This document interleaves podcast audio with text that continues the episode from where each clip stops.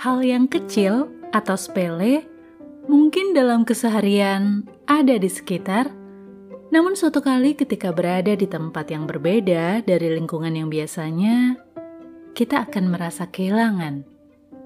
Kita baru merasakan fungsi yang berarti dari keberadaan barang atau seseorang tersebut. Hal-hal yang biasa ada di sekeliling kita bukan berarti hal yang tidak berarti.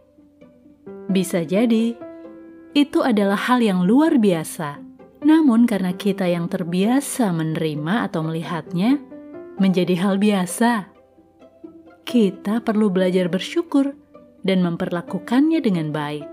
Sebaik waktu kali pertama kita menerimanya, atau bayangkanlah bila hidup kita tanpa sesuatu atau seseorang tersebut.